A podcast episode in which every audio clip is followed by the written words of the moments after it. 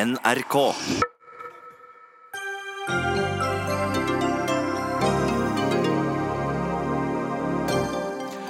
Norsk skole er på europatoppen i kjønnsforskjeller, viser ny rapport. Lite er gjort for å løfte guttene, sier eksperter, men er noen overrasket over det? Regjeringen vil at metoo-saker i arbeidslivet skal kunne behandles av Diskrimineringsnemnda, men får ikke støtte for det fra arbeidslivsorganisasjonene. I stedet for å flytte fotballandskamper ut av Ring 3, så dumper Norges Fotballforbund nå prisene for å få flere til å komme på landskamp i Oslo. Men hvorfor er 20 000 tomme seter på Ullevål bedre enn fullsatte stadioner i f.eks. Tromsø eller Kristiansand?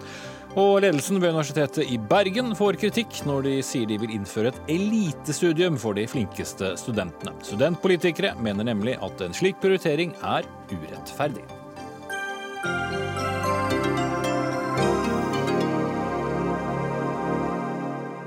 Slik ser eh, menyen ut for ukens siste Dagsnytt 18 med Espen Aas, der vi også skal snakke om oljefondets investeringer og kutt for kristne blinde i forslaget til statsbudsjett.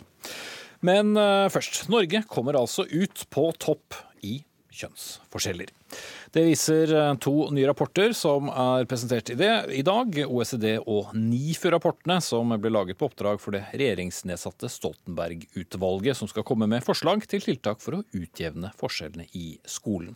Og Vi har jo lenge visst da at jentene gjør det bedre i skolen. Camille Stoltenberg, du var utvalgsleder, så hva nytt forteller rapporten oss?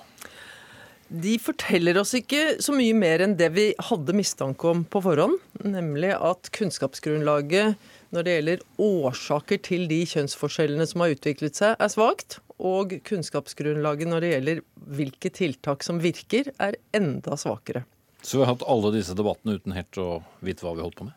Ja, Vi har jo ikke satt sammen den kunnskapen som finnes på en systematisk måte, og det er gjort nå av NIFU og OECD. Det OECD i tillegg bidrar med i veldig stor grad, er å beskrive situasjonen. Det i seg selv er nyttig, for det er ingen enighet om hvorvidt dette er en samfunnsutfordring eller ikke. Og jeg vil si at det de har lagt fram, eh, det understøtter vår, våre synspunkter i utvalget om at dette er en samfunnsutfordring. Det er ikke bare en utfordring for den enkelte, både gutt og jente for så vidt, men også for samfunnet som helhet. Mm. For alle de som ikke har lest rapportene, hvor eh, nedslående resultat er det eventuelt når det kommer til eh, forskjeller? da? Da vil jeg kanskje først understreke at det er jo veldig mye som er positivt, i den forstand at eh, over årene Her er det jo et langsiktig perspektiv. OECD begynner faktisk med å beskrive hvordan utdanningsforskjellene har vært helt fra de, den kohorten som ble født på slutten av 1800-tallet og fram til i dag. Eh, det er godt noe har skjedd på det tidsrommet, kanskje? Veldig mye positivt har skjedd på de årene. Mange flere får høyere utdanning, men kvinner i mye større grad enn menn. Og samtidig så vet vi at utdanning spiller en vesentlig større rolle i dag enn bare for ti år siden, og det er ingen tegn til at det vil stoppe opp. Så utdanning vil sannsynligvis bli enda viktigere framover. For, Men forbedringspotensialet? forbedringspotensialet for menn er stort. Det er selvfølgelig et forbedringspotensial for kvinner også, men der har det jo skjedd en revolusjon når det gjelder kvinner og utdanning, som er veldig positiv. Ja, da får vi venne oss til de som uh, har ansvar for å gjøre noe med det, da. Uh, de viser jo at det ikke lenger er eh, forskjeller i intelligens, kanskje, men altså lavere forventninger til gutta enn jentene. Og Mathilde Tybring-Gjedde, stortingsrepresentant for Høyre og medlem av utdannings- og forskningskomiteen. Hvorfor blir det sånn? Nei, Det er jo derfor vi har Høyre-regjeringa nedsatt eh, Stoltenberg-utvalget, for å få bredere kunnskap om dette feltet. Jeg er jo veldig glad for at vi egentlig har startet det som er et nybrottsarbeid. fordi sånn som kom frem i dag, så er det jo veldig mange enkeltstudier som overrasket meg veldig, og som jeg ikke nødvendigvis vet om er riktig, hvis man hadde forsket på det i større omfang. Eh, men det sier i hvert fall noe om eh, problembeskrivelsen og hva som, hva som er utfordringene, og hva man må ta tak i. Og så er jo Utgangspunktet her er at i Norge for eksempel, er jo at gutter og jenter jenter leser bedre nå enn for 15 år siden, men det er fortsatt et kjønnsgap. Og det er ikke bare et gutteproblem, men det er et samfunnsproblem. Fordi at eh, kravene til å kunne ha, være faglært til å ha kompetanse, formell kompetanse, kommer til å øke. Ja, Dere har jo vært i regjering i over fem år mm. og hatt departement i over fem år. Har dere gjort noe som virker da? Altså Det som er litt, litt nedslående med, med, denne rapporten, er å vise at vi har gjort veldig mange tiltak som har gjort at man har lært mer, men det har kanskje hjulpet jentene i større grad enn guttene. Så det store spørsmålet her er jo hvordan skal vi treffe guttene. Men det vi er i gang med nå, er jo den største fornyelsen av norsk skole på 15 år, nemlig fagfornyelsen. Alle læreplanene skal fornyes i nært samarbeid med lærerprofesjonen og aktørene i Skole-Norge. Og Da handler jo det om at det skal bli mer variert undervisning, med praktisk undervisning, og at det skal være mindre tidspress press. At lærerne skal ha mulighet til å variere undervisningen mer for elevene. Og jeg tror Det er kanskje nøkkelen hvis du skal møte gutta da, eh, som begynner på skolen. At man ikke møter alle med den samme type undervisning, men at det er rom til å variere mer. Og Det er kanskje det viktigste. Men så er spørsmålet igjen hva slags type pedagogikk fungerer kanskje for gutta, og hvor må man sette inn støtet mest. Mm.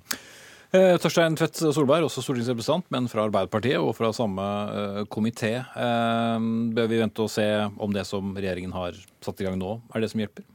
Nei, altså Rapporten som kom i dag, bekrefter jo en del av det vi visste. som det blir eh, sagt her, At vi har en skole som veldig, i veldig stor grad er tilpassa spesielt jenters eh, modenhet.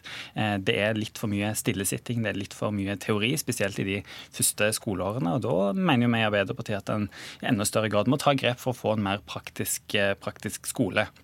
Og Det er jo veldig bra at vi nå har et utvalg som skal samstille, og sånn sett så er det et nybrottsarbeid. Men eh, det bekrefter jo òg at eh, mye av dette visste vi allerede, og derfor visste vi det og burde vi ha gjort noe med det eh, før. Hva kunne man ha gjort da? Nei, altså Her eh, skryter regjeringen av at den skal ha og satt i gang eh, fagfornyelse. Men jeg syns ikke denne regjeringen og Høyre spesielt har tatt noen grep i det arbeidet for å gjøre noe med dette med kjønnsforskjeller spesielt. Altså Utvalget peker jo på at en kan gjøre ting med kvotering, kjønnspoeng og sånne type ting. Der har vi fremma masse forslag i Stortinget som regjeringen har stemt imot, rett og slett. Mm, jeg må si at uh, Vi kan godt diskutere kjønnspoeng, men det man har sett i denne rapporten, er nettopp at forskjellene mellom kjønn starter allerede på grunnskolen, eller kanskje allerede i fire, tre-fireårsalderen. Så spørsmålet er igjen hva slags skole skal man ha for å kunne uh, møte ulike elever og kunne utjevne disse forskjellene.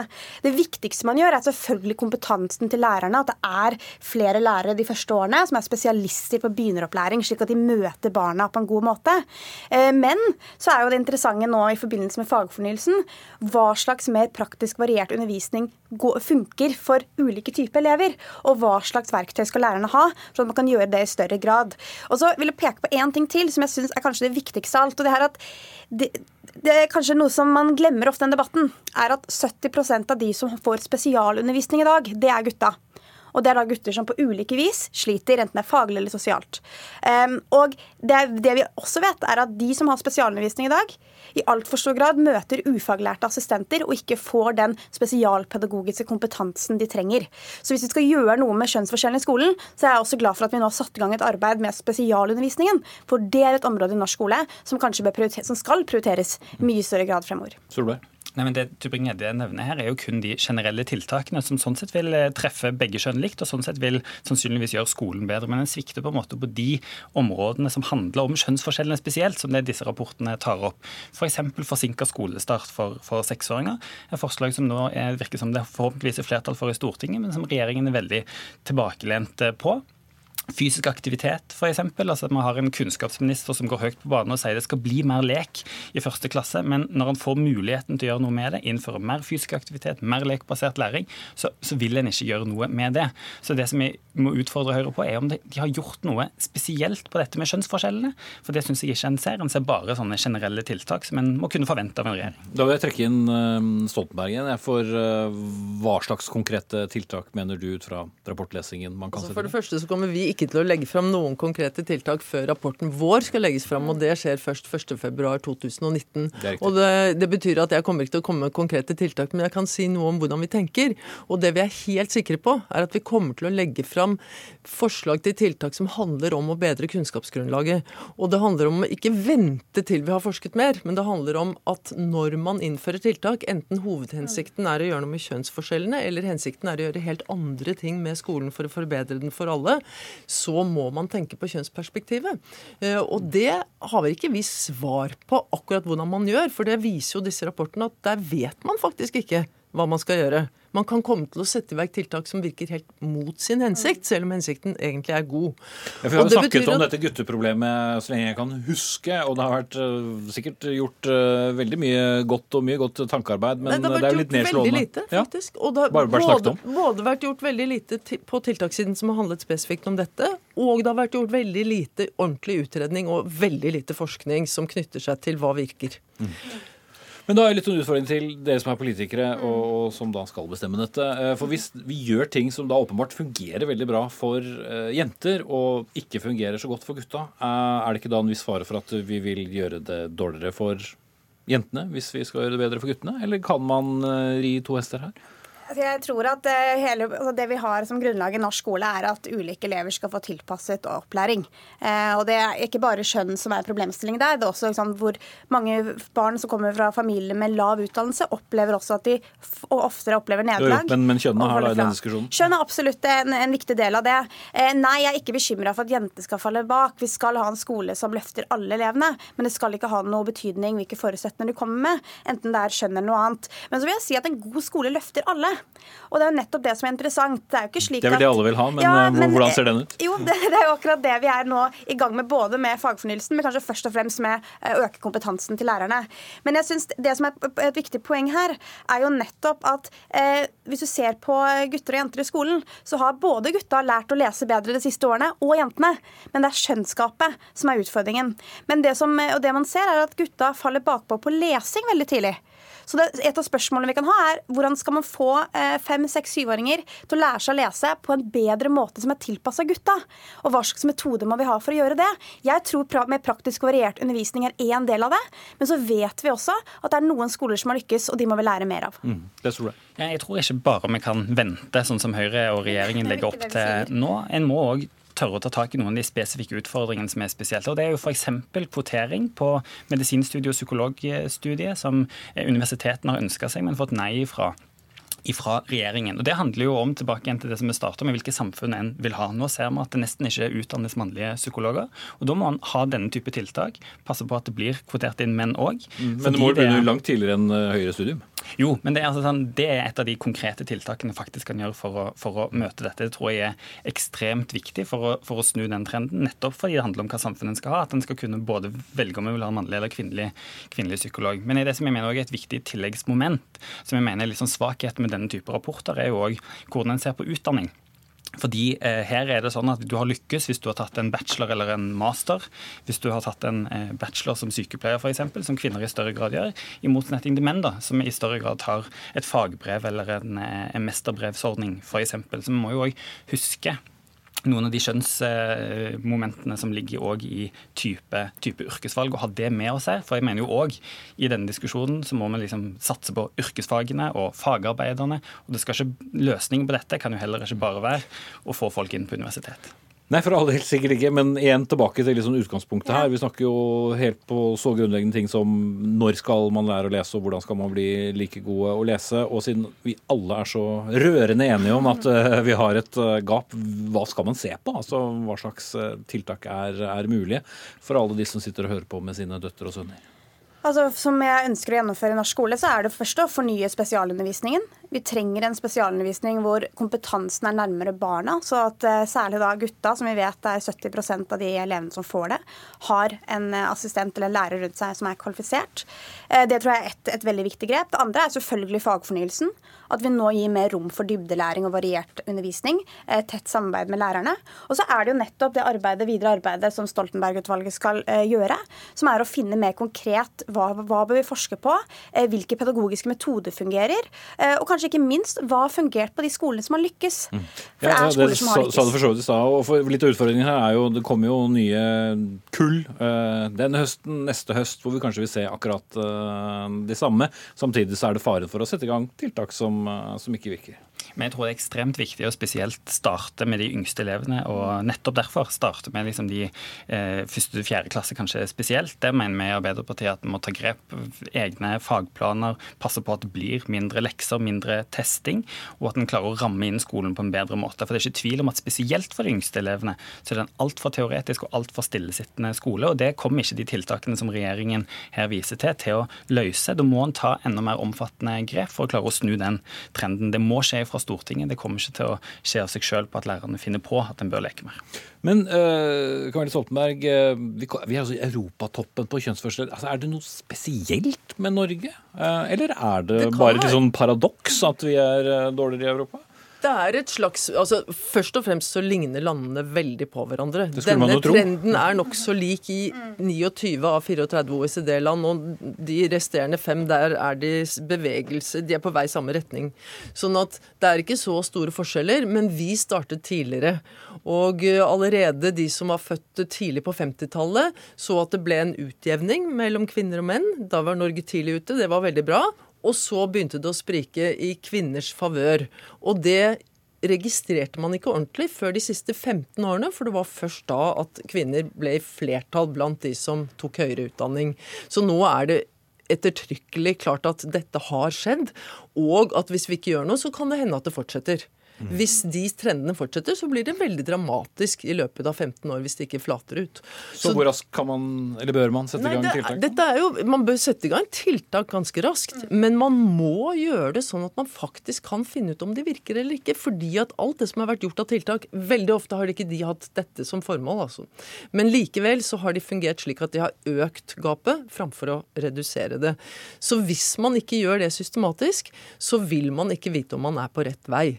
Eh, og Derfor så tror jeg at det f.eks. er lurt å snakke med de andre nordiske landene, som er mer eller mindre i samme situasjon alle sammen, og hvor eh, OECD rapporterte i dag at det er nå økt interesse for å gjøre noe med dette også i en god del andre land, og det har det ikke vært i noen særlig grad. De beskrev dette som et felt på politikkområdet og forskningsområdet som er i sin tidlige barndom, eh, men her er det mulig å akselerere utviklingen hvis man virkelig går inn for det. Mm.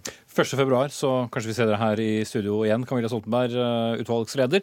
Takk til Mathilde Tybring-Gjedde fra Høyre og, fra, og Torstein Tvedt Solberg fra Arbeiderpartiet, begge medlemmer av utdannings- og forskningskomiteen. Dagsnytt 18 alle hverdager kl 18.00 på NRK P2 og NRK2.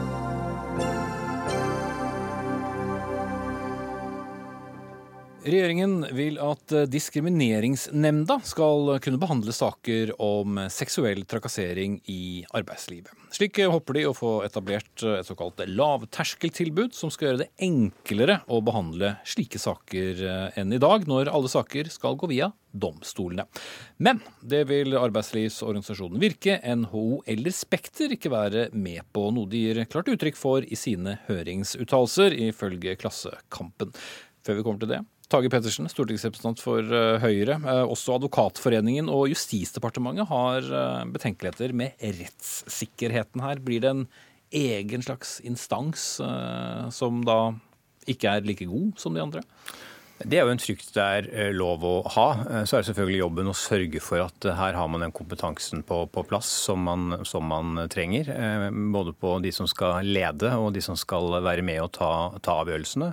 Men dette er altså et tverrpolitisk, et ganske bredt flertall også utenfor politikken som står bak at dette er et veldig godt virkemiddel i forhold til den metoo-kampanjen, året som vi har lagt bak oss, for å ta tak i noen av de store utfordringene vi står overfor. ikke minst også i, selvfølgelig i, arbeidslivet. Men uh, konkret, altså, noen ting bør jo åpenbart uh, havne i domstolene uansett. Så hva skal dette være? Skal det være alle typer for seksuell trakassering? Skal det være frekk kommentar? Skal det være fysiske overgrep? Hva her er det jo lovverket som vil regulere hva som skal i det ordinære rettssystemet, og hva som skal kunne tas i, i, i, nemnda. Nå er jo bestillingen fra Stortinget at regjeringen i budsjettet for 2020 skal komme tilbake til eh, eh, det nødvendige for å kunne få dette på plass. Eh, nå er høringen nettopp avsluttet, hvor vel 29 av 34 instanser var positive.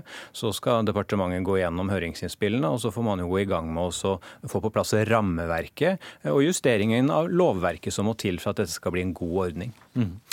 Inger-Lise Bluverket fra Virke, der du er direktør for politikk og forhandlinger. Hva er det dere syns er problematisk med forslaget? Det er jo nettopp rettssikkerheten.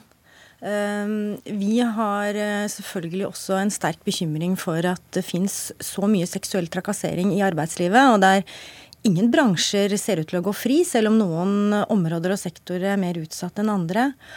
Og jeg har lyst til å understreke at eh, vi også er svært opptatt av at eh, både at saker forebygges, sånn at vi ser mindre av dem, men når det faktisk skjer, at det blir anledning til å få saken fram og få tatt en avgjørelse.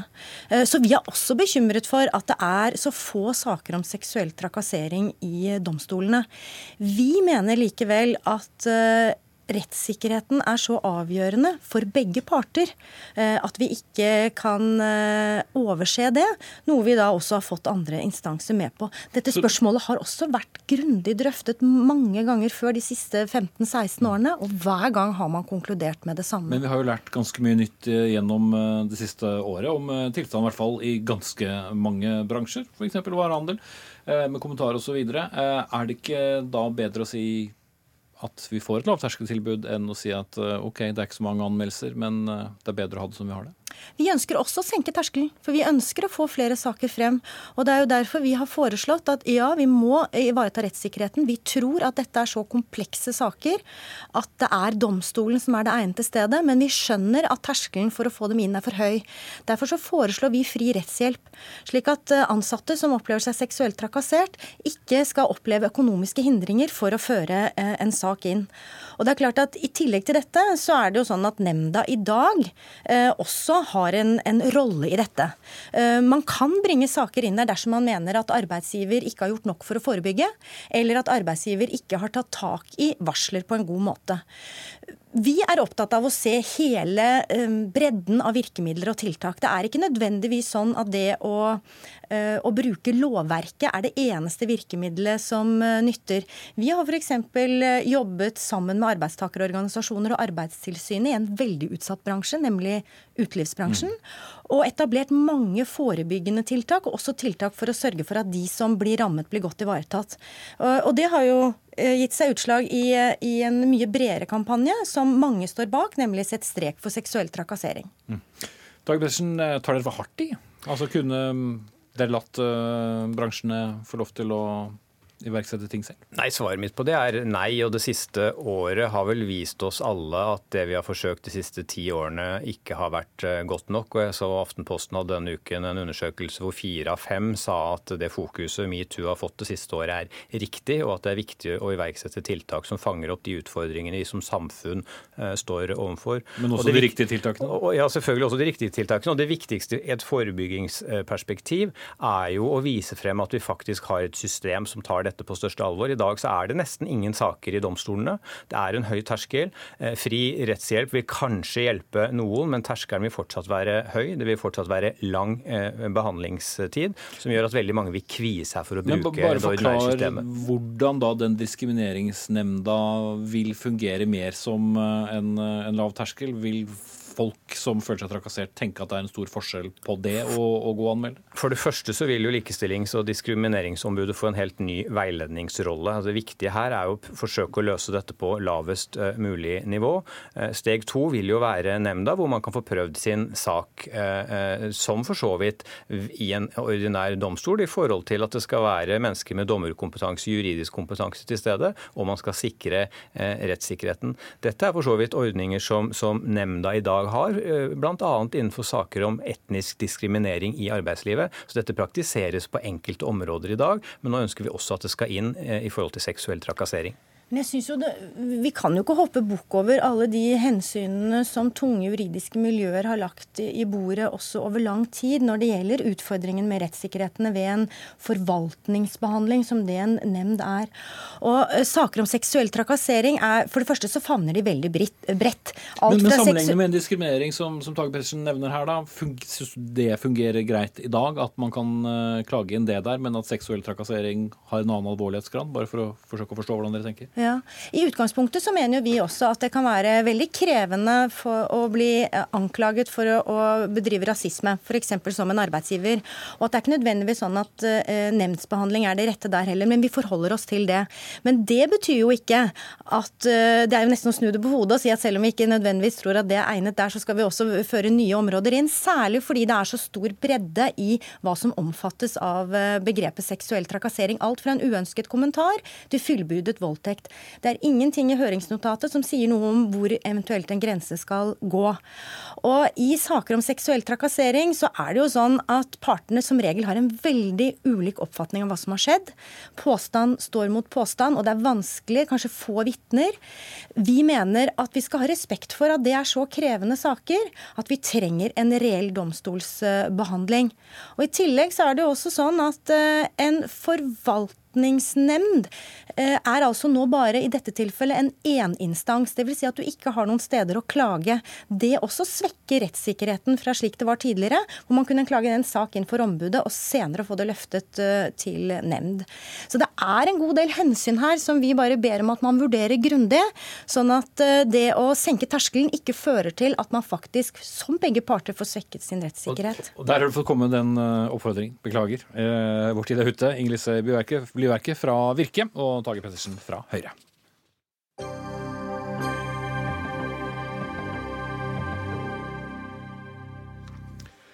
Da skal vi bevege oss eh, ut på fotballbanen. Nei, ikke helt fysisk, men i hvert fall saksmessig. I morgen så møter det norske herrelandslaget Slovenia på Ullevål stadion her i Oslo.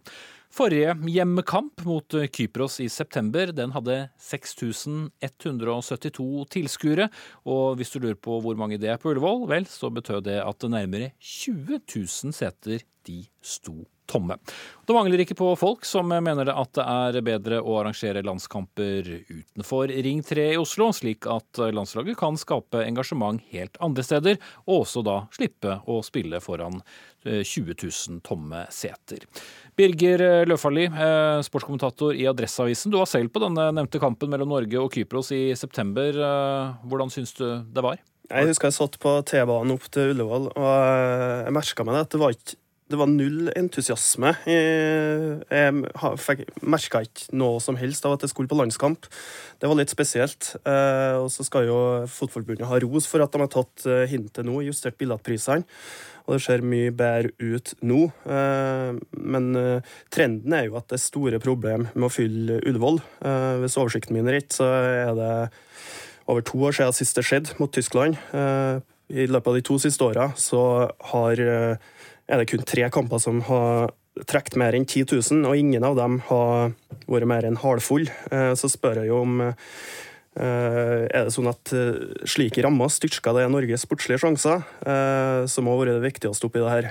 Ville en annen by med en mindre stadion, f.eks. med 10 000, ha vært bedre for det norske landslaget på enkelte kamper? Uh, ville det ha inspirert laget mer? Så er jo argument uh, nummer to her at uh, ved å spre noen av kampene rundt om i landet, så kunne det ha skapt økt entusiasme og økt eierskap til laget.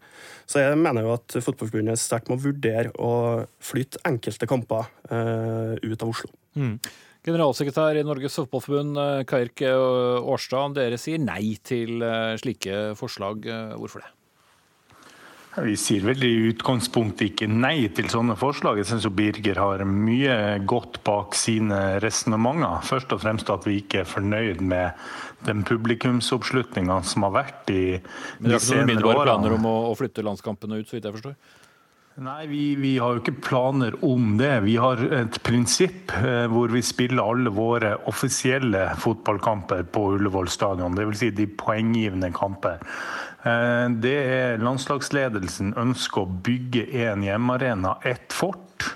Eh, og de kampene spilles på Ullevål. Men vi har også de senere, ikke de senere årene, vi må vel faktisk tilbake til 14 og 15, hvor vi spilte bortekamper sist, eh, i Molde og, Stavanger Stavanger, mer av privat karakter. Og Det er klart, det er et godt poeng at når du får det ut, mer entusiasme lokalt og, og fullere stadioner eh, er positivt. Men eh, nå håper vi jo den tendensen endrer seg. Det er et fantastisk godt billettsalg til kampen som går på Ullevål. og Vi selger mange hundre billetter i timen for tida.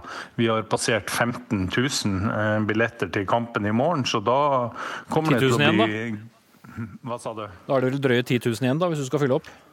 Ja da, det er fortsatt drøye 10 000 igjen. Vi har håp om at det kommer enda flere enn de 15 som er solgt, eh, solgt foreløpig. Men jeg tror ikke vi skal ha fokus på de plassene som ikke selges. Jeg tror vi skal ha fokus på de plassene som faktisk eh, møter opp og støtter laget. Det er også slik at 2015 det er riktignok eh, noen år siden det er nå, men da var det fem utsolgte eh, kamper på Ullevål. En av de var ikke helt utsolgt, riktignok.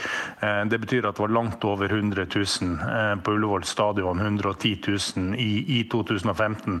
Det har noe med sportslige resultater å gjøre også. Vi har absolutt troa på at vårt publikum ser etter hvert nå også viktigheten av disse Nations League-kampene, som faktisk gjør eh, at vi kan kvalifisere oss til et EM, og fem nye spennende kamper til neste år. Så vi, vi har troa på at det både kommer 15, 20 og også utsolgte kamper til neste år. Det handler om å gi publikum en god opplevelse, og det skal vi sørge for. Løfaldli, eh, tror du spillerne lar seg eh, påvirke av at eh, ja, som i forrige tilfelle, nesten 80% av setene står tomme? Det tror jeg helt sikkert. Eh, ser det jo litt i vår egen by i Trondheim òg. Eh, Rosenborg har vært veldig dyktig til å, til å fylle stadion i Eliteserien. Eh, I europakampene sist tida så har det vært veldig mange ledige seter her òg. Eh, og sånn tror jeg prega spillerne. Eh, da dette temaet var opp tidligere, Jeg så en artikkel fra 2006. Brede Hangeland mente jo absolutt at det var en relevant sak å diskutere, og han antydet at det har kommet flere tilskuere på privatkampene som det var den gangen. da. Hvis en har flytta det ut av Oslo. I 2013 så var det nesten 10 000 i Molde da Norge spilte mot Skottland. Og Eh, jeg tror jo eh, at man må faktisk eh, ha litt fokus på alle de tomme setene, fordi at det gir et inntrykk, og det, det bidrar til at opplevelsen blir helt annerledes enn om det er et fullt hus. Det er stor forskjell på 10 000 på en stadion som tar 10 000, og 10 000 på Ullevål. Mm. Eh, Årstad, det ved å satse på da Ullevål stadion i, i hovedstaden som et, et fort, eh, som du sier, eh, det vil ikke gjøre det også vanskeligere da, å, å, forsvare og eventuelt skulle flytte eh, også viktige landskamper til andre steder av landet, hvis dere putter så mye ressurser i en kurv? Jeg tror vi eh, Birger har veldig mange gode poenger, la meg nå bare si det først. Men det er også slik at eh, Norges Fotballforbund er veldig privilegert som eier sin egen stadion. Eh, i, motsetning til veldig mange andre nasjoner og, og nabonasjoner. Det er det veldig mye positivt og også rent kommersielt. Og med det så følger det en del forpliktelser. Det følger en del inntekter. Det følger en del forpliktelser vi har overfor våre sponsorer og, og stadionsponsorer. Og en del utgifter òg når man eier veldig... Eh, stadion? Hva sa du? Og en del utgifter, faste utgifter som også må betales når man eier sin egen stadion? Ja da, men nå er det en gang sånn at uh, våre datterselskaper uh, drives uh, veldig godt. det er en veldig fin økonomi gjennom, gjennom den konsernmodellen som vi har der.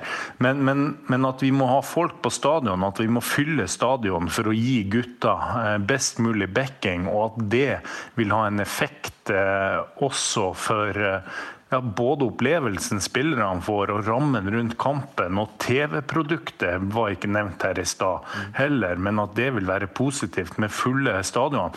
Men vi gir ikke opp. Vi har hatt en svært svak kamp, og vi har hatt flere ikke gode nok kamper de senere årene.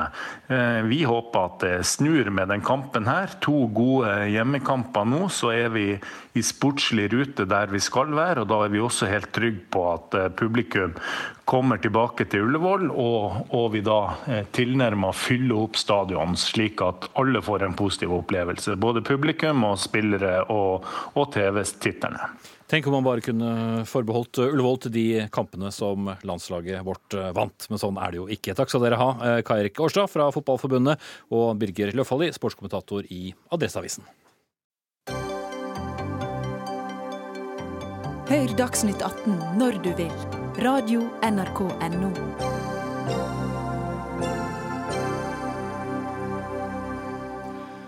Rett før jeg gikk i studio, så sto det at uh, oljefondet, eller Pensjonsfondet utlandet som det heter, uh, var på 8120 milliarder kroner, eller litt over 8 billioner, da. Ønsket er selvsagt at dette fondet skal vokse seg så stort som mulig, slik at vi har råd til å bl.a. betale for fremtidige pensjoner. Og for å få det til, så må vi investere i verdipapirer og eiendom og annet som stiger i verdi, og i fjor ble det vedtatt å øke andelen aksjer opptil 70% Men Camilla Bekken Øvald, samfunnsøkonom og forfatter av boken 'Drømmefondet hvordan Norge ble finansbransjens George Clooney og veien videre for oljefondet'. Du er kritisk til denne økningen til aksjer. Hvorfor det? Jo, fordi Finansforvaltning det handler jo om avveining mellom eh, risiko og forventa avkastning. Så Vi må alltid finne et eh, nivå der. Hvor stor risiko skal vi ta for å få forventa avkastning? Og Oljefondet skal ta en moderat risiko. Vi skal øke avkastningen, men risikonivået skal altså være moderat. Når man ser verdensøkonomien sånn som eh, den er nå, og har vært en stund, så er det mye usikkerhet. Og Det tilsier at vi burde være mer forsiktige. og Da mener jeg at eh, det å øke aksjeandelen da, og gå motsatt vei, det kan være en potensielt farlig strategi. Men det er jo en veldig kvalifisert eh, gjeng får vi tro, som sitter i oljefondet både i Oslo, London og mm, New York og hvor enn eh, de er. Tror du ikke de er god på å lese markedet? Jo, absolutt. Jeg har vært på de fleste kontorene og beskriver det også i boka. Så, så, de gjør en veldig god jobb. Men Når det gjelder dette med risiko og avkastning, så er det eieren som avgjør det, som bestemmer de lange linjene. Det er Stortinget og Finansdepartementet. Så det er her eh, retningslinjene avgjøres. Og da mener jeg vi må ta en eh, mer grundig diskusjon om hvor stor risiko vi skal eh, ta. Det er viktig med avkastning, men fondet skal være langsiktig. Vi skal spare på vegne av framtidas generasjoner. og da er det viktig at vi også tar eh, hensyn til risiko. At ikke avkastning, forventa avkastning blir det eneste målet. Så det er for stor risiko, tror du, eh, fremover hvis man skal ha eh, så mye som 70 bundet opp i aksjer? Ja, hvis man ønsker å ha et moderat risikonivå for investeringene, så ser sånn som verdensøkonomien ser ut nå, så tilsier det at man eh, kanskje burde redusere den noe. ja. Mm. Oljefondsleder Einar Slyngstad ble intervjuet om jeg skal ikke si tiårsjubileet akkurat, men ti år siden finanskrisen i, i 2008, og sa jo de hadde en kriseplan forut for det, som forutsatte en mye verre eh, krasj. Er det ikke grunn til å tro at eh, de har slike planer i skuffen også for fremtiden?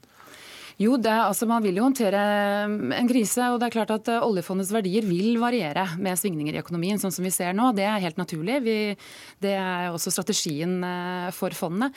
Men når det gjelder den overordnede strategien, altså hvor stor risiko vi skal eh, ta, så er det Stortinget og politikerne, eierne, som må avgjøre det. Altså, jeg er trygg på at Slyngstad og hans gjeng fikser oppdraget de får, men oppdraget det bestemmes av Stortinget.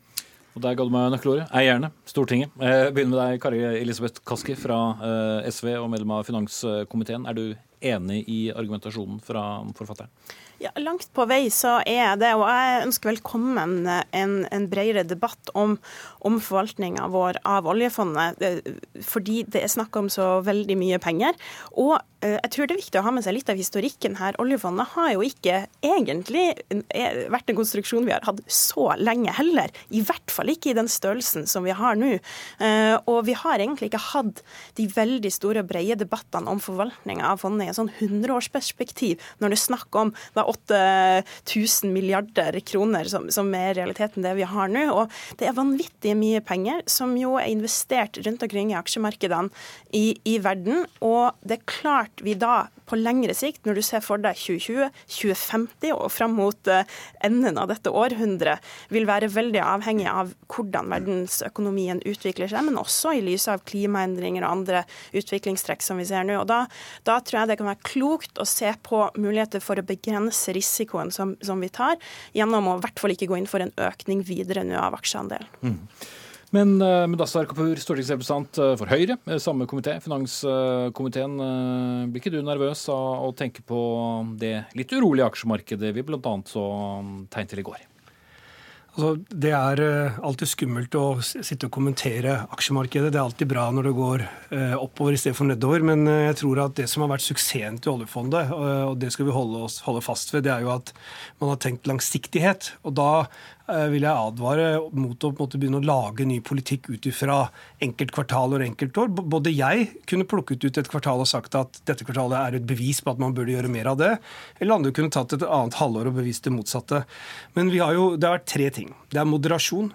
Eh, moderat risiko, det har vi greid å vise. Eh, vi har langsiktighet, og politisk konsensus. Det er de tre hva skal jeg si, pilarene oljefondet, oljefondet står på. Og så er jeg jo litt sånn Eh, ja, vi skal ikke si at vi politikere er eksperter på ting, men nettopp derfor så lytter vi til andre eksperter. og Det er jo Mork-utvalget nå som har anbefalt å øke aksjeandelen opp til 70. Vi har lyttet til det. Vi har jo tidligere gjort et hopp fra 40 til 60 eh, under eh, en SV-finansminister, og da var det også veldig bra at det var konsensus rundt de tingene. Og, og dette med langsiktighet, eh, altså for å på en måte poengtere det, da, det er jo at i 2012 så fond, hadde fondet en verdi på 3800 milliarder. Nå er den på over 8000. Så jeg vil jo si at vi har ikke akkurat sittet og skuslet bort penger eller gamblet dem bort. Jeg tror at eh, den moderasjonen man har vist, langsiktigheten man har vist, er, eh, den er gyldig selv den dag i dag, og den viser gode resultater. Men som Øvald også viser til i boken sin, så ble det også noen vanvittige fall eh, etter finanskrisen. Og så gjorde man jo grep som man har investert mer i eiendom, og, mye ble gjort, og man så nøye på hvilke aksjer. Men det forteller vel også at det er jo ikke risikofritt selv om uh, du eh, investerer moderat? Absolutt ikke. Altså, uh, dette handler faktisk om risiko. Når vi investerer penger for å få avkastning, så, så må vi ta risiko. Men den, det handler om hvilken profil vi har på risikoen, hvordan vi sprer den. Og det er der både Stortinget og Finansdepartementet og Norges Bank gjør en viktig jobb. Men det er allikevel slik at vi har også vært på besøk på disse kontorene. Du kommer ikke akkurat inn i noe cowboymiljø, får du følelsen av. Det er ikke børshaiene man møter. Det er en del folk som har godt, en god forståelse for at de forvalter de fremtidige generasjoners penger. Så jeg tror også at det der med at vi nå ser disse opp- og ned-periodene, det, det, er der vi skal altså fri, fri, frislippe oss litt fra det, og heller tenke langsiktighet. For over tid så har jo dette lønt seg. Mm. Ja, Kaski, hva ville du se for deg er en klokere uh, forvaltning, da, eller en klokere risikospredning? Vel, vi kan jo begynne med å, å ikke øke aksjeandelen. og Det er helt riktig som det ble sagt her at eh, SV var med på en økning av aksjeandelen. Så, så, dette er ikke en prinsipiell motstand mot at vi er i aksjer. Men, men, jeg tror også at vi skal ha med oss at siden vi økte forrige gang, så har det som det blir sagt der, eh, fondets verdi økt fra 3000 til 8000 milliarder. Eh, det er voldsom økning på veldig få år. Og vi skal klare å forvalte den, den store summen med penger på lang sikt nå på en klok måte. Og, og det er også en økning som har kommet i en periode med enorm oppgang på børsene rundt omkring. Det er ikke gitt at det vil vare på lengre sikt. Og, Satt en her i studio i går som sa det kunne falle ned med 50 på Ikke sant. Og, og Finanskomiteen har blitt fortalt, eh, og det har også samfunnet, at vi må kunne forvente nå at oljefondet skal kunne reduseres i verdi med en tredjedel som fall på børsen i tidene som kommer fremover. Og det vil kunne påvirke direkte hvor mye penger vi kan fase inn. Men hva vil du kjøpe da? Gull, som er det eneste vi ikke kjøper i eh, oljefondet sitt? Vel, altså, vi, vi er jo investert i dag eh, innenfor både aksjer, innenfor eiendom, innenfor obligasjoner. Så er det en stadig større diskusjon om vi også skal investere i unotert infrastruktur. Jeg mener det er klokt. Uh, og jeg mener også det er klokt hvis du ser på en sånn type spredning av risiko. Så kan man argumentere for at det kan være lurt å da ikke øke aksjeandelen, men spre risikoen også på unotert infrastruktur. som ikke, altså Dette er jo da ren infrastruktur og ikke børsnoterte selskaper. Um, det kan du eksemplifisere det? for nå hørte jeg Det kan være type kraft, ja, ikke sant? Det kan være type, Vi ønsker jo da innenfor fornybar energi, så det kan være type vannkraftverk, kraftlinjer, solcelleanlegg rundt omkring i, i verden. Bidrar også til, til klimaomstilling. Det er absolutt god SV-politikk, og, og, og, vil bidra til å spre risiko. Og, og, her tror jeg det er viktig også å legge til at det ble sagt her også at forvaltninga må ha bred politisk konsensus. Men det er også viktig å huske på at gjennom de siste 20 årene så har noen politiske partier, som SV, gått foran, bedt om f.eks. etiske retningslinjer. Da var det ikke konsensus om det, men man fikk en konsensus etter hvert. Så vi trenger disse diskusjonene. Mm, ja, altså, prøve å få noen, disse, noen av disse halvpartene av lytterne tilbake igjen. Altså, det, altså, in, altså, forskjellen på notert og unotert altså, Grunnen til at jeg er veldig skeptisk til unotert, det er at dette er ikke børsnoterte selskaper. Og dermed helt andre krav til driften? Dermed helt andre krav til åpenhet, rapportering osv. Og, så er dette ofte prosjekter som er prisgitt politisk stabilitet, regulatorisk stabilitet, og disse tingene trekkes frem som eh, altså, Men det er vel vurderinger som, som uh, Pensjonsfondet uansett uh, gjør i jo da, men, men, fordelen med å da være i et notert marked er at du kan følge tett med. Her er det et unotert marked. Her kan det skje ting på kort varsel som vi ikke vil da ha hånda på rattet på. Og Der har du kanskje litt forskjellen da, mellom partiene. Fordi jeg mener at Hvis Elisabeth Kaski har lyst til å drive en del god SV-politikk, som hun nå mente at det var, så må hun gjerne gjøre det gjennom sitt alternative statsbudsjett som hun legger frem om noen uker. Men, men oljefondet er ikke et politisk verktøy. Det handler om å forvalte de fremtidige generasjoners penger. Men dere er jo med på å bestemme rammene her? Jo da, men det er jo i samråd da med det vi får fra Finansdepartementet gjennom oljefondmeldingen, i et bredt, altså ofte ganske brede forlik i Stortinget. Men det er ikke et politisk verktøy, og det er det ganske god enighet om. Bortsett fra de gangene SV veldig ofte har lyst til å løse noen klimautfordringer. Det er ikke det jeg tar til orde for, og nå gjør du det selv litt, eh, litt for enkelt her. Altså for Høyre har jo vedtatt på landsmøtet å gå inn for nettopp den samme type unoterte infrastrukturinvesteringer som jeg tar til orde for. Så, så dette har jo også dere vedtatt. Og eh, selv om eh, vi skal lytte til fageksperter, så var det også sånn at utvalgslederen for det utvalget som foreslo å øke aksjeandelen, gikk imot den anbefalinga. Det er uenighet her blant eh, også økonomer og blant eksperter som sitter på utsida av Stortinget. Vi må lytte til det. og Det er derfor jeg tror at det er klokt å ha disse debattene, ikke fra et utgangspunkt med sånn, hvordan kan vi, eh, hvordan kan vi drive SV-politikk, men hvordan kan vi forvalte disse pengene på en klok måte i en omskiftelig verden på lang sikt. Der tror jeg jo også det er lurt å ta hensyn til f.eks. klimaendringer. Så skal vi jo ikke lure oss sjøl heller i å si at hvis du investerer 8000 milliarder kroner i 9000 selskaper, så er det noe politikk i det også. Det er klart det på et eller annet vis påvirker verden. Så, så dette, er ikke, dette er, eh, hva skal jeg si, markedet er ikke en nøytral aktør. Så, så, vi må heller ikke være naiv når vi snakker om oljefondet. Nei, altså Det blir jo egentlig eh, eh altså tilbake til mitt utgangspunkt. At eh, det er langsiktigheten som er viktig her. Både når vi diskuterer aksjemarkedet akkurat nå, eller når vi diskuterer oljefondets fremtid eller forvaltning av våre felles ressurser. Da er det moderasjon, langsiktighet og politisk konsensus som blir viktig. Og så vil jeg advare sterkt mot at uh, Stortinget går inn og har en lappeteppestrategi hvor vi går opp eller ned i denne aksjeandelen fra år til år. Nå har vi bestemt oss for 70. Det ligger jo ikke an til noe mer PT. Og da er det heller ikke noe vits å ta opp en debatt som uh, tyder på at vi skal opp, når det ikke ligger noe annet på bordet heller. Den beste måten å tjene penger på, angivelig ifølge Warren Buffett, en av de mest suksessrike amerikanerne, er å være grådig når andre er engstelige, og være engstelige når andre er grådige. Men det er vel ikke akkurat det oljefondet skal eh, holde på med. Takk til eh, Camilla Bakken Øvald, samfunnsøkonom og også høyskolelektor ved Høgskolen Kristiania. Kari Lisbeth Kaski, stortingsrepresentant for SV, og Mudassar Kapur, stortingsrepresentant for Høyre, begge medlem av finanskomiteen.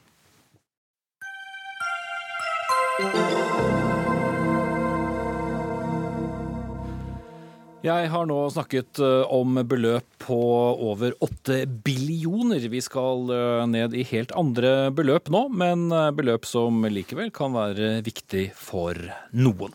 Fire dager etter at de største reaksjonsbølgene etter forslag til statsbudsjett har lagt seg, så ser vi at små nyanser også dukker opp. Blant annet regjeringen foreslår å spare 3,3 millioner kroner ved å kutte i statlig støtte til foreningen Kristent arbeid blant blinde og svaksynte, KAB om du vil, i kort form, som drifter et lydbibliotek med kristen litteratur, som også blinde kristne da kan benytte seg av, og også andre.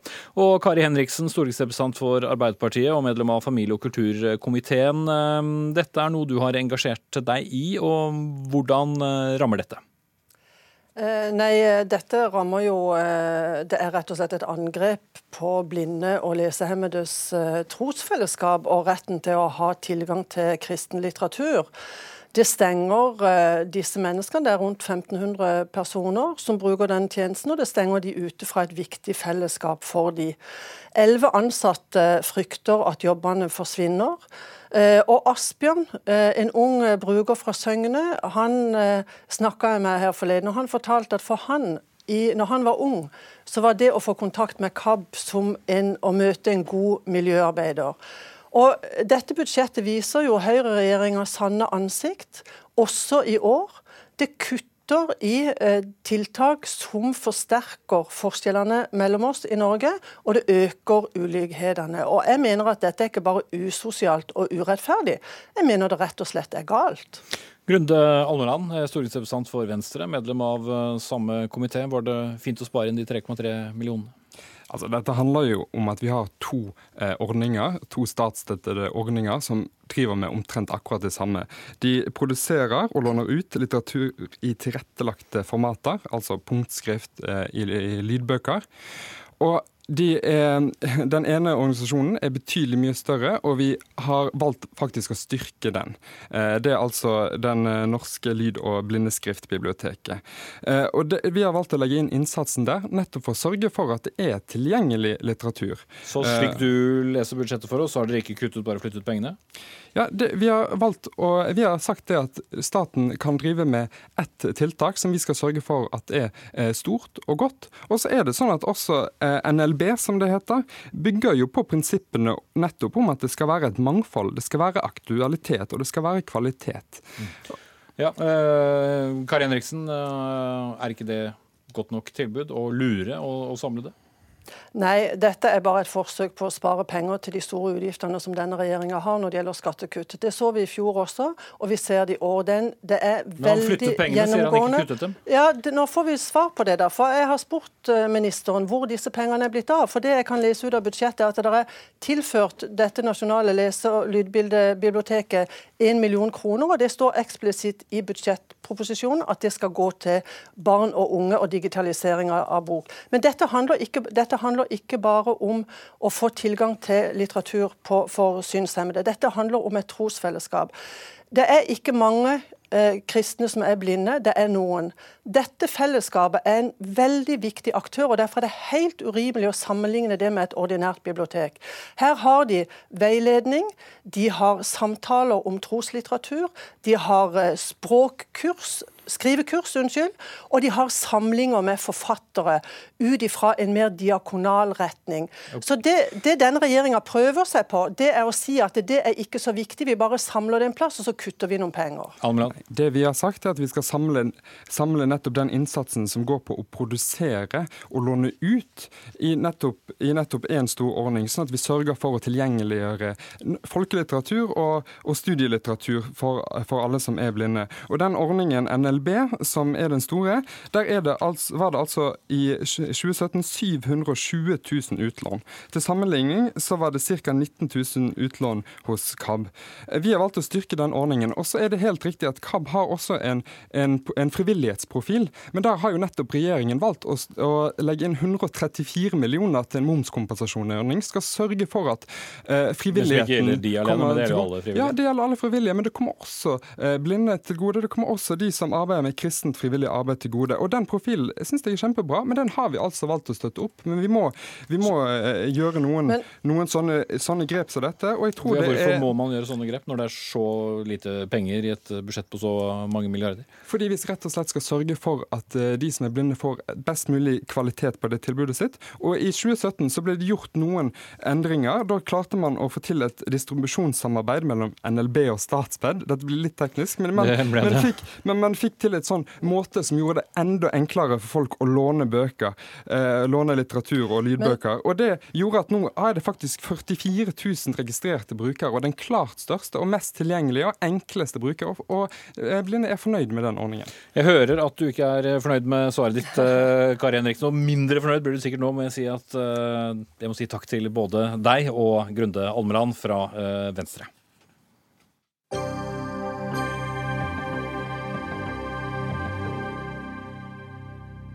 eh, for Fordi vi skal nemlig nå til Vestlandet og Universitetet i Bergen, som vurderer å opprette et, eh, en form for elitestudium for de beste studentene som vil studere humanistiske fag. For hvis du brenner for Shakespeare, eller vil du vil bruke hele din studietid på å fordype deg i gotisk arkitektur fra 1100-tallet, er kanskje dette ved Humanistisk fakultet i Bergen noe for deg. Universitetet i Oslo innfører et slikt program høsten neste år, men dette forslaget har møtt motstand fra studentene i Bergen. Og dekan Jørgen Seiersted ved Humanistisk fakultet, eh, hvorfor vil dere se på et sånt studium? Nei, nå må jeg først si at uh, Vi har altså ikke vedtatt å innføre noe slikt uh, studium, men uh, vurderer å opprette, sa jeg i innledningen. Så Absolutt, hva, hva er grunnen? Ja, grunnen er jo, Dette er jo bakgrunnen i denne stortingsmeldingen 25, altså humaniorameldingen som eh, tar til orde for eh, i hvert fall den muligheten. Og så har vi fulgt opp det i en egen humaniora-strategi ved Universitetet i Bergen. og Da øh, lanserer vi dette som en mulighet, men vi har ikke enda gått ut og diskutert det. Og langt mindre har vi altså vi har ikke diskutert det bredt i fagmiljøet, og vi har heller ikke bestemt oss for akkurat hva den ordningen vil inneholde. Men, men dere har jo i hvert fall vurdert det så langt at dere syns det er verdt å se på. Og, og hvorfor kan det være en styrke ja. for ditt universitet? Ja, Når det gjelder humaniorafagene, så vil jeg nok si at uh, en av de tingene som kjennetegner oss, er at vi har et veldig bredt tilfang av studenter. Vi har studenter med forskjellig med studiebakgrunn og forskjellig hva skal vi si, prioritering av uh, studiet. Og det er ikke et problem, det er noe vi er glad for og noe vi er stolte av. Men vi har altså et sjikt av studenter som er veldig opptatt av faget, som går 150 inn og har har, eh, har, dette med humaniora, og kanskje det å være en intellektuell, det å jobbe fram mot å bli en akademiker, eh, som et livsprosjekt. Og Da er det spørsmål om vi med dagens studieordninger, hvor vi jo jobber veldig mye med studiekvalitet og ta vare på bredden og prøve å få opp gjennomføringen, skape kullmentalitet og sånt blant studentene, om vi ivaretar også det studentsegmentet godt nok, og om vi på en måte synliggjør dem godt nok, og om vi da framstår som attraktivt for Eh, studenter som har det ambisjonsnivået og, og den motivasjonen som, eh, som disse har. Ok. Uh, Anette Arneberg, som sitter ved din side. Du er studentpolitiker for Venstrealliansen, og da student. Hva er galt med å gjøre gode studenter enda bedre? Eh, nei, altså først kan Jeg si at jeg synes det er veldig bra at man ser på måter å forbedre utdanningstilbudet til Universitetet i Bergen og til Det humanistiske fakultet, men jeg syns det er negativt at man eh, løser eh, problemer som er for alle studenter, med å eh, lage et eget program for et knippe studenter som får ulike forutsetninger. Eh, altså at de blir prioritert økonomisk, eh, de får altså de, Omfordelingen av ressurser blir, skjev. blir og de kan rett og slett da tiltrekke seg da de beste foreleserne og de beste underviserne. Så det, eh, det er den skjevfordelingen som jeg er eh, skeptisk til. Eh, så du mener var, dere andre studentene kommer dårligere ut dersom man dyrker frem noen enere? Ja, det mener jeg jo absolutt. Uh, altså Når du legger opp til et program som skal være bedre enn de andre, så må du jo anerkjenne at da, uh, når du setter det stempelet, så vil det da få de andre studieprogrammene til å se dårligere ut. A- og B-lag, er det noe bra, Seiersen? Jeg skjønner godt den bekymringen. og eh, Ikke minst innenfor humaniorakulturen så har vi en slags eh, egalitær eh, grunnholdning ofte. Likhet og lik behandling det er viktig for oss. og Det har vi veldig stort sentrum, nei, veldig stort fokus på bredden i studiet. Og bredden i studentmassen, den er vi som sagt glad for. Eh, når det gjelder økonomisk, så er det, jo, det er jo å håpe at denne ordningen på en måte vil gi en bedre totalsituasjon for alle hvis man innfører noe slikt. F.eks. hvis det fører til at disse studentene tar flere studiepoeng, f.eks. så vil det jo ligge en finansiering i det som vil, vil føre til at, at, dette er en ordning som ikke tar ressurser fra de studentene som prioriterer si, studiene lavere. Uh, og det er jo viktig. Det er viktig absolutt å ta vare på hele bredden i, i student... Gruppa vår. Men eh, Arneberg, eh, det finnes jo såkalte eliteutdannelser som medisin og juss. og Hvorfor kan man ikke også dyrke frem det da ved, ved Humanistisk fakultet, og kanskje gjøre Universitetet i Bergen enda mer attraktivt for flere studenter? Jeg er veldig enig i at det finnes elitestudier, og jeg syns at det er problematisk at man har eh, studieprogram som blir eh, sett på som bedre enn andre. Og da skjønner jeg ikke hvorfor man skal ta inspirasjon fra de studiene ved å opprette flere eh, eliteprogram. Det syns jeg blir eh, litt feil tankegang. Men jeg vil gjerne kommentere på det med, eh, med bredde på HF-fakultetet og studiepoeng. For jeg er veldig enig i at det er en av styrkene til HF-fakultetet. Og derfor så syns jeg det er et veldig godt alternativ å opprette tverrfaglige studieprogram. Men jeg bare skjønner ikke hvorfor man trenger å skape dette A- og B-laget. Eh, og så mener jeg også at det med, med studiepoeng ja, er jo for fortsatt mulig i dag. Altså studenter, Det er ikke noe tak på hvor mange studiepoeng du kan ta. Du kan ta en dobbel bachelor. Eh, og på flere fakultet så har du da forskerlinjer, eh, som jeg syns er et bedre alternativ enn et honorsprogram. Mm. Sersted, hva kan dere eventuelt gå glipp av ved å ikke innføre et elitestudium? Ja, altså Ved å ikke innføre et elitestudium, det blir jo da å, å, fortsette slik som vi jobber i dag, med, med studiekvalitet på, på, bred basis. Og det skal vi uansett gjøre. Eh, det vi kan vinne ved å innføre et elitestudium, som sagt, eh, eller elitestudium, et tilbud for de særlig motiverte studentene, tror jeg kanskje jeg vil kalle det, Eh, det er altså å synliggjøre denne studentgruppen og også vise fram for alle studentene våre hva det egentlig krever å, virkelig gå all in for å, for å ja, bli en akademiker, da, eller, eller ta disse studiene dønn seriøst. Eh, så det kan være noen fordeler med det. og og nå har jo ikke vi, Det er jo veldig mange ulike måter man kan tenke seg å gjøre dette på. Det kan være det som var oppe her, altså mer sånn i bredden. At man tar ulike emner fra andre fakulteter, kanskje, andre fag. Eh, mer eller mindre tilrettelagte. Eh, eller det kan jo være at man har en ordning hvor man har et fordypningstilbud altså innenfor den, de emnene som du har. Det kan være tilbud om Ok, Dere hørte jeg ble litt for langt, eh, Vi får heller eh, si at dere har fått være med i det som vi liker å se på som vår elitearena for samfunnsdebatt. Denne sendingen er ved veis ende. Simon Skjelbestad Ystad var ansvarlig for den. Teknisk ansvarlig Lisbeth Sellereite. Jeg heter Espen Aas.